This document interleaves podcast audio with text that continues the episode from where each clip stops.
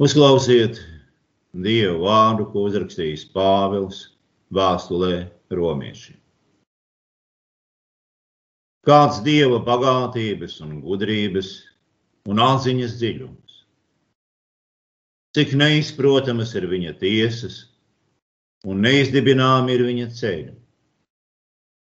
Kas gan ir izzinājis tā kunga prātu, kas viņam ir bijis padomdevējs, kas viņam jebkad ko ir devis, ka viņam būtu jāatlīdzina.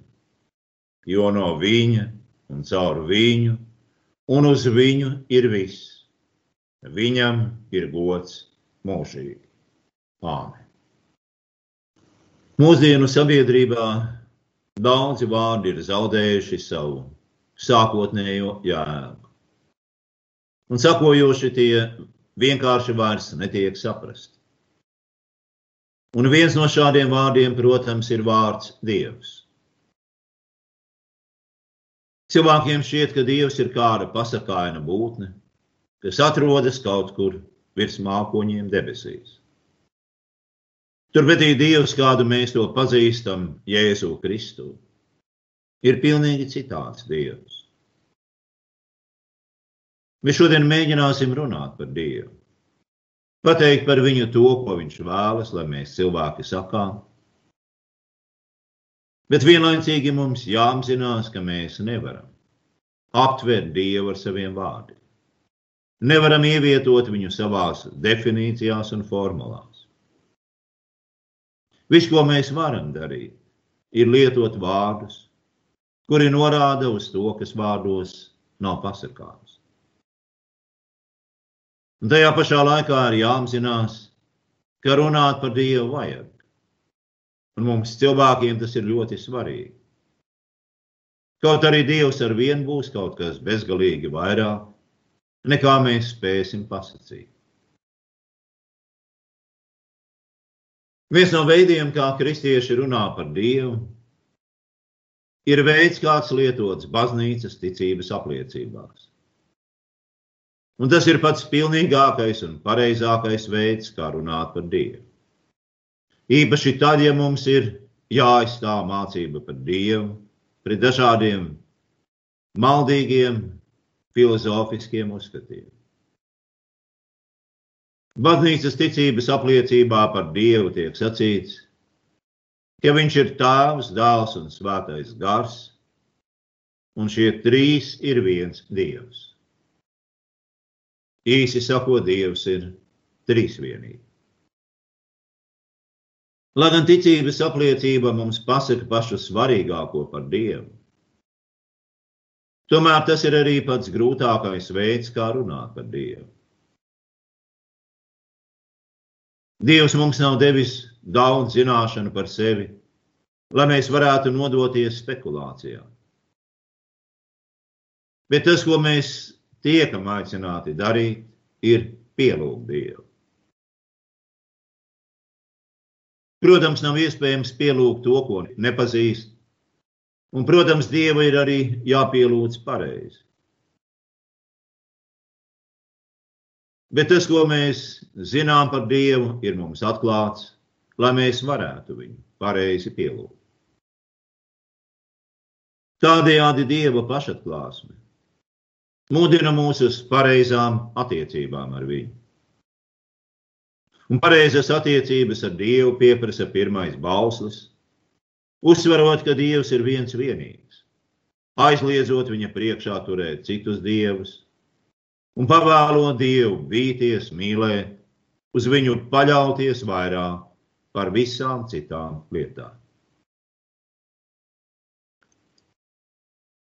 Mēs pēdējā laikā Bībeles stundās esam diezgan daudz runājuši par iedzimto grēku. Un iedzimtais grēks ir nepareizas attiecības ar Dievu.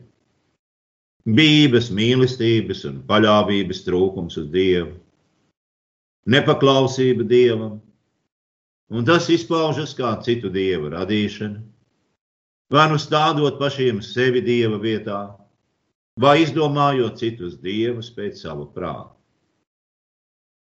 Īsi sakot, āgdievība ir kritušā cilvēka galvenā nodarbošana. Viens no pamatvārdiem, kas raksturo dievu, ir vārds mīlestība. Bībelē šis vārds nozīmē sevi upurējošo, mūsu glābjošo Kristus pestīšanas dārbu. Un vārds mīlestība Bībelē ir nesaraujami saistīts ar Dievu. Tā nav īpašība, kura var būt un nebūt. Tā ne tikai raksturo Dievu, bet pats Dievs ir mīlestība. Tas nozīmē, ka viņš nekad nepārstāja būt tas, kas viņš ir. Žēlsirdīgi, laipni un gādīgi rūpējas par savu radību. Kaut arī tā nav viņa mīlestības cienīga, un nekādi to nav pelnījusi. Dievs vienkārši ir tāds, kāds viņš ir. Labs, žēlsirdīgs, mīlestības, labestības pilns, vienmēr uzticams. Tādējādi mīlestības izpratne Bībelē ir nesaraujami saistīta ar Dievu. Mēs varam sacīt, ka bez Dieva nav mīlestības. Tas, ko Dievs sagaida no savas radības, ir pretmīlestība. Mīlestība uz Dievu. Tā sākotnēji piemita cilvēku bet pēc grēkā krišanas tās vietā ir stājies naids un vienaldzība pret Dievu. Mīlestība, par kuru runājam, nav arī mīlestības surrogāts, emocijas, pacelājošas jūtas, bet drīzāk uzticīga Dieva likumu un sava pienākuma pildīšana. Mūsu ticības mērķis. Un nekas no tā nevar nākt no kritušā cilvēka. Tādēļ Dievs Kristū cilvēku pārada no jauna, dodot viņam jaunu, dzīvu, mīlestības pilnu sirdi, kurā atspīd Dieva mīlestība. Nu, protams, pasaulē ar vārdu mīlestība saprot pavisam ko citu. Pats vārds mīlestība pats par sevi vien nav pietiekošs, lai tas varētu tikt pareizi saprast. Jo vārds mīlestība kristietim acīm redzami nozīmē kaut ko citu nekā nekristieti. Kurš Bībelē tiek saukts pilnīgi pretēji par patmīlīgu. Bībele arī raksturo to, ko tas nozīmē. Proti, šāds cilvēks ir naudas kārs, lielīgs, augstprātīgs, zaimotājs, nepaklausīgs saviem vecākiem, nepateicīgs, nešķīsts, cietsirdīgs, nesamierināms, apmelotājs, nesavaldīgs, mežonīgs, ļauns, nodevīgs, pārgalvīgs, lepnuma apstulbināts, baudas vairāk mīlēdams nekā dievu. Nu, tāda ir pasaules mīlestība. Pēc šādas mīlestības mums nav jāaugst, bet no tās ir jābēg kā no paša vēlna. Savukārt par mīlestību kristietības izpratnē tiek sacīts, mīlestība ir pacietīga, mīlestība ir labvēlīga, tā nav greizsirdīga, mīlestība nelielās, tā nav uzpūtīga, tā nav nepiedienīga, tā nemeklē savu pašas labumu, neskaišas, nepiemien ļaunu, tā nepriecājas par netaisnību, bet priecājas par patiesību.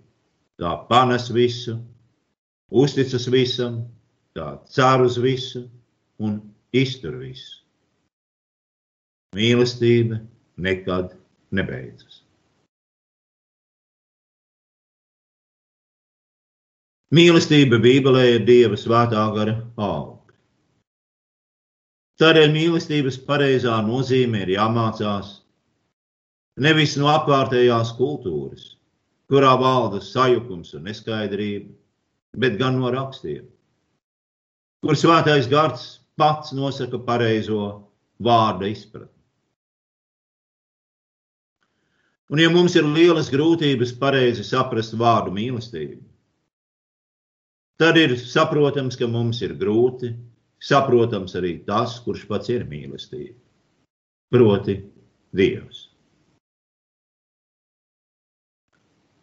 Piemēram, vecās derības laikā gan jūdi, gan pagāni lietoja vārdu dievs.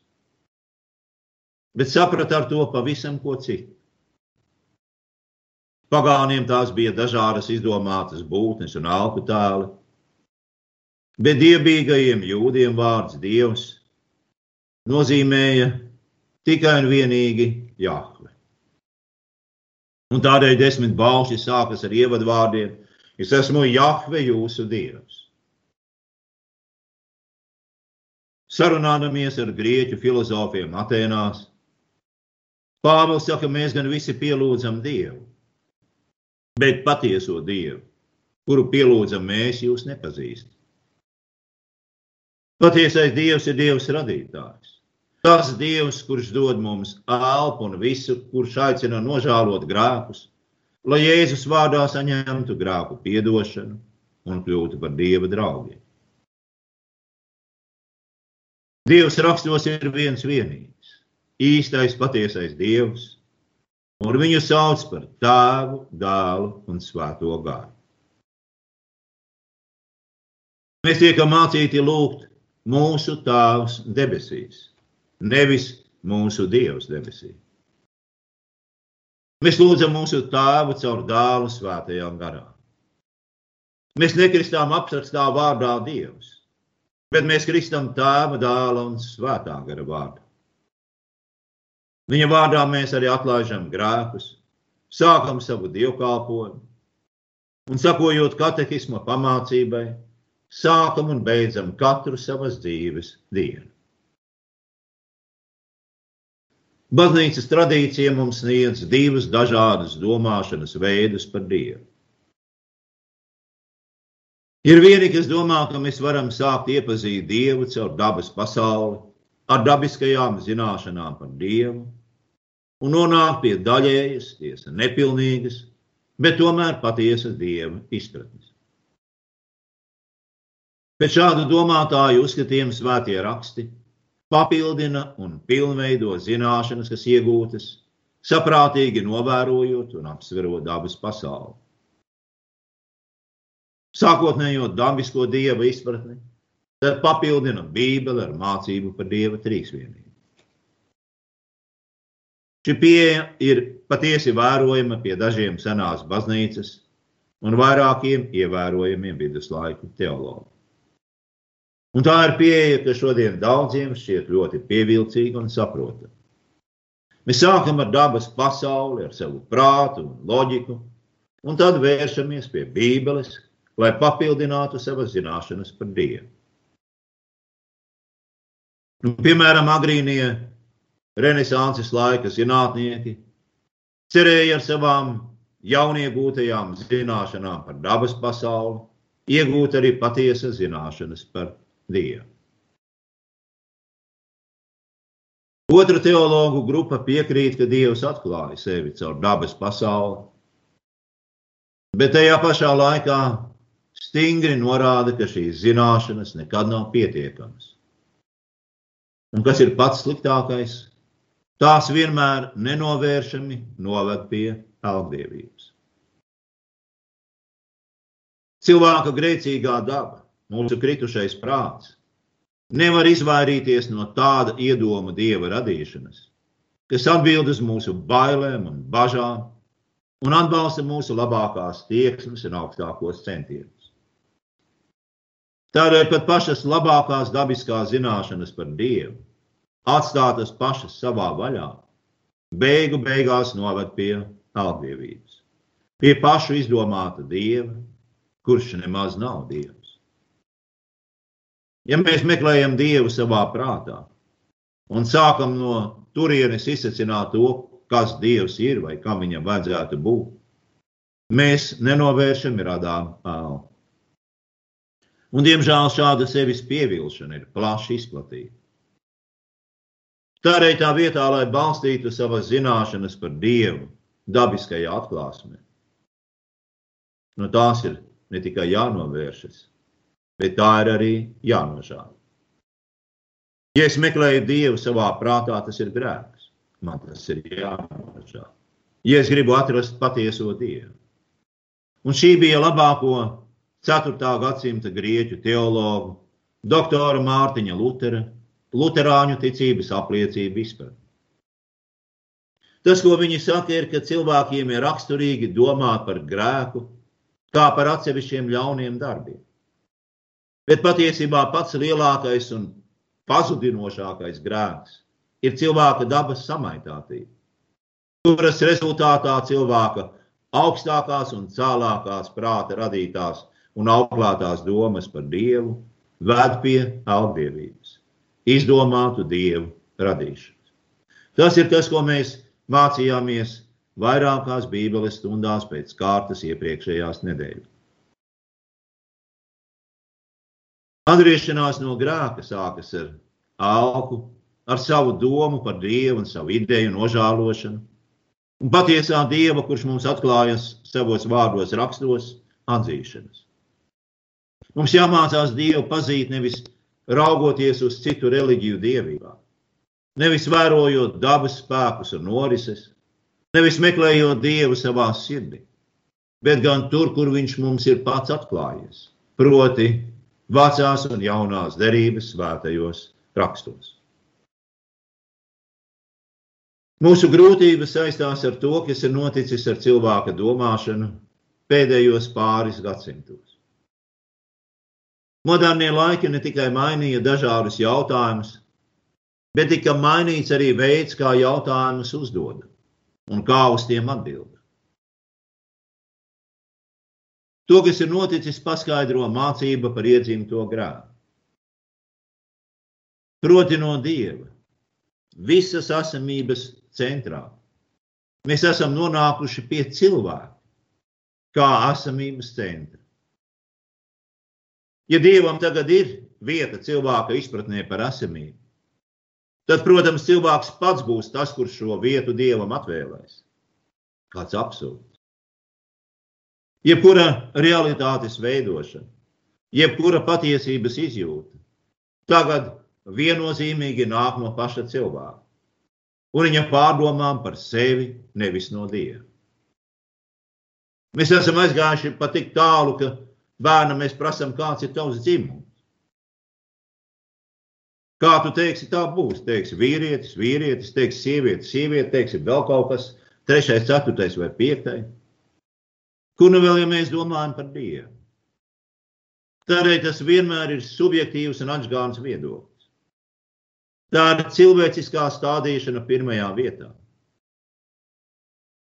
Dievišķā un cilvēciskā sajaukšana vienmēr rada privātu garīgu, izdomātu garīgumu, pseido garīgumu, un rada tādu teoloģiju, kas ir nejauši konstruēta no patapinātiem tēliem un pagāniskajiem impulsiem. Par moderno pasauli mums tādēļ ir jādomā kā par kultūras revolūciju. Nevis tikai kā par periodu, ko raksturo saprāts un ievērojami zinātniski atklājumi. Apgaismības laiks mainīja izpratni par to, kas ir cilvēks un kāda ir viņa vieta un nozīme reālajā pasaulē. Un tā nedrīkst palikt tikai teorētiska atziņa. Jo, diemžēl, diemžēl, mēs visi esam moderno laiku bērni. Šobrīd tas nenozīmē, ka mēs visi pieņemam visus moderno laiku kanonus vai visu postmoderno laiku kritiku. Bet mēs maldinām sevi, ja domājam, ka mūsu nepārbaudītie pieņēmumi ir tas pats, ko mācīja 4. gadsimta grieķu baznīcas tēvi, Luters, Lutāņu ticības apliecības. Pavisam noteikti tie tādi nav.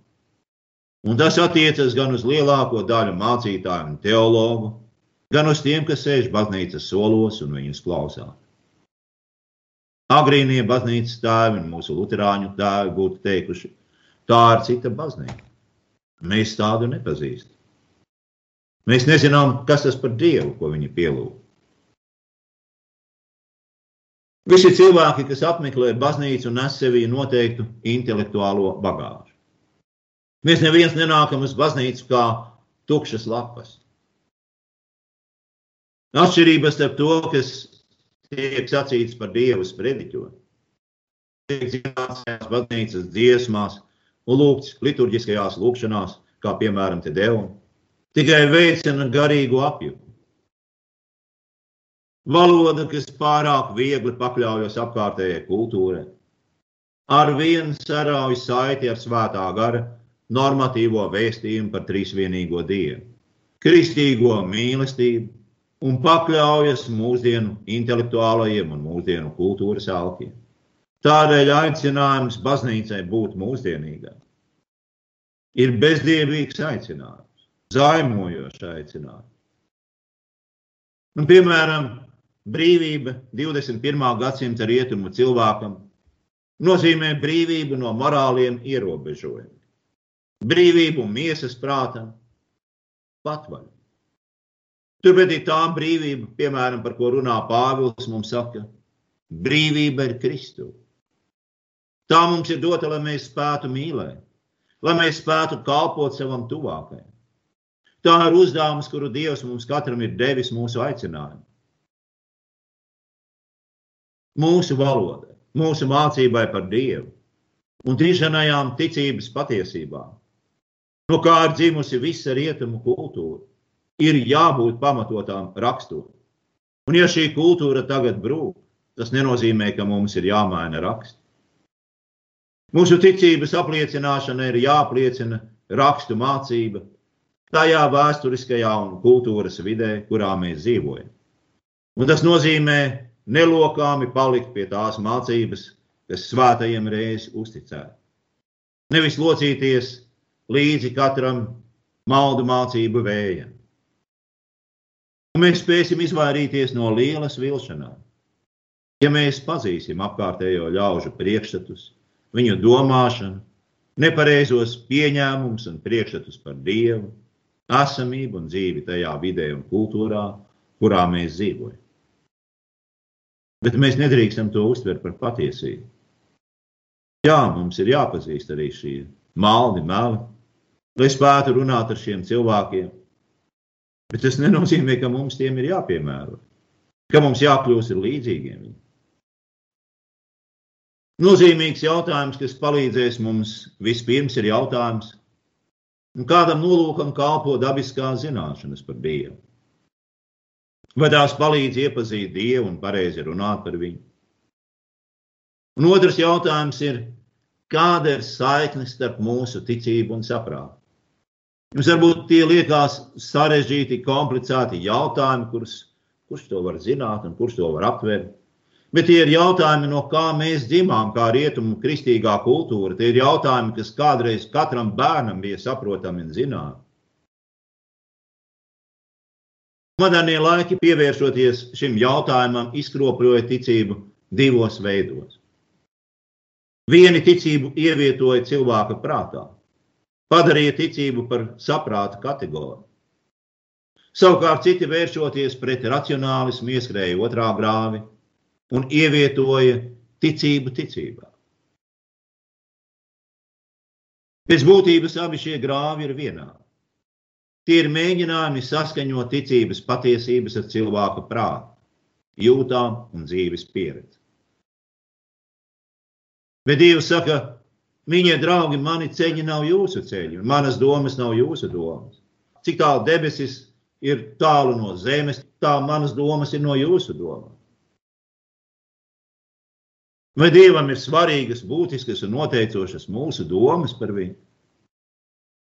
Šādas alternatīvas vienmēr ir pieviļošas un apdraud gan svēto rakstu sniegto izpratni par Dievu, gan arī pareizu izpratni par mums. Citiem vārdiem sakot, tās ved mūs pie atgādnes realitātes izpratnes, kur mēs nepazīstam nedz esamības pamatus, nedz paši sevi, nedz arī Dievu. Un cieši saistīts ar jautājumu par to, kā mēs pazīstam Dievu, ir jautājums, kā mēs runājam par Dievu. Nu, piemēram, mēs varētu sacīt, Dievs ir gudrs. Un tad mēs varētu sacīt, piemēram, arī Sokrāts ir gudrs. Un kā mēs saprotam vārdu Sokrāts? Šajā piemērā mums ir divi atšķirīgi teikuma priekšmeti - Dievs un Sokrāts. Bet viens izteicējs gudrs. Ja mēs paliekam tikai dabiskās dieva atziņas jomā, tad ir taisnīgi jautāt, ko cilvēks domā, kad viņš saka, ka Dievs ir gudrs, labs, mīlošs un tā tālāk. Vai nu šie vārdi, kas tiek parasti lietoti gan attiecībā uz Dievu, gan attiecībā uz cilvēku, kaut ko nozīmē, vai arī nenozīmē. Un, ja tiem nav nozīmes, tad nav jēgas runāt par Dievu. Mēs nevaram runāt par Dievu kā par sakāpinātu mūsu gudrību, vai sakāpinātām mūsu jūtām, vai sakāpinātām mūsu emocijām un tā tālāk. Mums ir jājautā, ja tie kaut ko nozīmē, tad ko īsti? Vai tie nozīmē vienu un to pašu, runājot par Dievu un par cilvēku? Vai arī tie ir saprotami kā analoģija, līdzīgi? Un, lai gan jautājums šķiet tehnisks un pagrūts, tomēr uz to ir jārod pareizi atbildi. Lai mēs varētu zināt, ko mūsu vārdi, kad mēs runājam par Dievu, var un nevar pasakīt. Vai tas ir svarīgi? Raksti saka, ka dieva pazīšana nozīmē mūžīgo dzīvošanu. Ja mūžīgā dzīvošana nav svarīga, tad, protams, nav svarīga. Bet, ja ir, tad dieva pazīšana ir dzīvības jautājums. Pats svarīgākais jautājums mūsu dzīvē. Un, lai gan mūsu dzīvēs ir dažādu praktisku lietu un darīšanu pilnas, saprātīgs cilvēks zinās, ka pirmās lietas vienmēr ir pirmā. Galvenās ir galvenā. Mēs nedzīvojam no maizes vien, bet no Dieva vārda vispirms. Un mana sirds nodrab katru reizi, kad redzu vai dzirdu, ka kāds domā vai rīkojas citādi. Vispār nedomājams. Un bez šaubām šādas domas arī man laiku pa laikam ieskrien galvā. Un tad pirmā lieta, ko mēs varam darīt, ir kliegt no visas sirds, kungs, apžēlojies, atpestī mani no tā. Aiz tā, kas kādam varbūt šķiet nevainīgs un saprātīgs, ērtas dzīves izkārtojums. Nereti dveš baismā nāvis dvaš, un savu rīkli plati atplatus ir pat ēle. Ja es jūs lūdzu, pamudinu un brīdinu, nejokojiet. Lūdzu, nejokojiet ar to. Dzīve ir īsa un mūžība gara. Dievs neļaujas apsmieties. Ko cilvēks sēž, to viņš arī pļaus. Kas sēž miesā, tas sēž uz pazušanu, kas sēž garā, tas sēž uz mūžīgo dzīvošanu. Katra sāpla, kā redzat, nes savu augu. Esiet gudri. Un gudrība šajā gadījumā nozīmē izdomāt savas domas līdz galam. Izdomāt pareizi domas par Dievu, ko tulkojumā nozīmē vārds teoloģija. Teoloģija ir domas par Dievu. Diemžēl cilvēkam raksturīgi ir vairīties no tā. Kādēļ tā? Tādēļ, ka tiklīdz mēs saprotam, ka domas ved mūs nepatīkamā virzienā, mēs pārstājam domāt. Mēs nevēlamies zināt. Mēs nevēlamies arī runāt ar cilvēkiem, kuri mums saka nepatīkamas lietas. Ja mēs zinām, ka šādas zināšanas būs nepatīkamas, un kādēļ man dzirdēt un uzzināt to, kas man liks krist depresijā vai justies nelabi. Bet, ja nu tas ir patiesi, ja nu tas ir vienīgais, kas man var palīdzēt,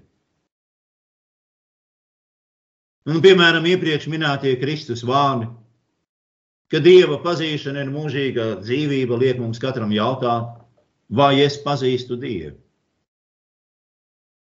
Ko tad nozīmē pazīt Dievu? Vai tas nozīmē ar muti pasakīt, jā, Dievs ir? Bet saki, man draugs, vai bērns to nezina, ka Dievs ir? Vai to nezināja pagānu filozofi? Vienīgi pilnīgi plānprātiņi uzskata, ka Dieva nav. Un pazīt Dievu nenozīmē arī tikai formāli atkārtot vārdus un frāžāni runāt par Dievu, bet pazīt viņu personiski balstoties tajā, ko Dievs mums pats par sevi ir atklājis, un atklādams sevi veido ar mums personiskas attiecības. Šeit vienmēr iniciatīva pieder viņam. Viņš ir tas, kurš veido ar mums jaunas attiecības. Viņš ir tas, kurš mums atklāja sevi un dara mums sevi pazīst. Ja mēs nevaram godīgi un pozitīvi atbildēt uz šo jautājumu, jā, es pazīstu Dievu, tad mēs atrodamies lielās briesmās. Jo, ja Dieva pazīšana nozīmē mūžīgu dzīvošanu, tad ko nozīmē Dieva nepazīšana? Tā nozīmē mūžīgu nāvi. Pazīt Dievu tā tad nozīmē iegūt visu. Nepazīt viņu nozīmē zaudēt visu, mūžīgo dzīvību ieskaitot. Nevēlēšanās patiesi iepazīt Dievu, kurš žēlsirdīgi piedāvā mums savu draudzību, nozīmē dzīvības vietā izvēlēties nāvi. Un tādēļ fanātiskā mūsdienu pasaules mīlestība un apsēstība ar šīs pasaules lietām, apsēstība ar naudu, mantu un seksualitāti patiesi ir nāves kultūra. Tā ir kultūra, kura vispār nesaprot pat, ko runā. Viņa draugi, mēs visi esam kristībā solījuši mīlēt svēto trīsvienību, kuras vārdā tikām kristīti, un nemīlēt pasauli un pasaules kārības. Vai mūs var saukt par uzticamiem ļaudīm, kas tur savu solījumu? Nu, to lai katrs godīgi atbild pats. Vislabāk atbildēt uz šo jautājumu ir grēksūdzība. Turklāt jāatcerās, ka tas vienlaicīgi ir jautājums, vai es mīlu dzīvību un nāvi. Lai žēlsirdīgais un labais Dievs, Tēvs, Dēls un Svētais Gars pasargā mūs no vieglu prātības un maldiem un uztur īstenā pareizā ticībā uz mūžīgo dzīvošanu. Un pareizā ticība ir tā, ka mēs pielūdzam vienu Dievu trīsvienībā un trīsvienību vienībā. Pareizā ticība ir tā, ka Dieva dēls Jēzus Kristus ir patiesa cilvēks un patiesa Dievs. Viņš ir cietis mūsu glābšanas labad, nokāpis ellē un uzkāpis debesīs, kur valda Dieva spēkā un godībā, un no kurienes viņš atnāks tiesāt dzīvos un mirušos. Viņam atnākot visi cilvēki, savās miesās celsies augšā no nāves un atbildēs par saviem darbiem. Tie, kas ir ticējuši un paļāvušies uz Kristu un ticībā darījuši labu, ieies mūžīgajā godībā, jaunā dzīvē, jaunā pasaulē, bet bezdievīgie un liekuļi ieies ēles ugunīs. Ko tad no, nozīmē pazīt Dievu? Tas nozīmē pazīt mūsu mīļo kungu Jēzu Kristu, kurš ir mīlis par mūsu grākiem un augšām cēlies grāku piedošanu, kurš mums nemitīgi piedāvā grāku piedošanu, kurš mums dod svēto vakarēdienu, kurš mums sludina evaņģēliju ar saviem vārdiem, lai izglābtu mūs no nezināšanas, no muļķības, no pazušanas. Lai mīļais Dievs mums palīdz sasniegt ticības mērķi Dieva pazīšanu. Tas ir mūžīgā dzīvošana kopā ar viņu, tēvu un dēlu un svēto gāru. Pazīt Dievu, Jēzu Kristu, lāgu žēlsirdību, mīlestības, laipnības, bezgalīgas žēlsirdības un labestības pilnu, uzticamu Dievu, kuram vienmēr, jebkuros apstākļos, jebkurā brīdī var absolūti un pilnīgi uzticēties. Āmen!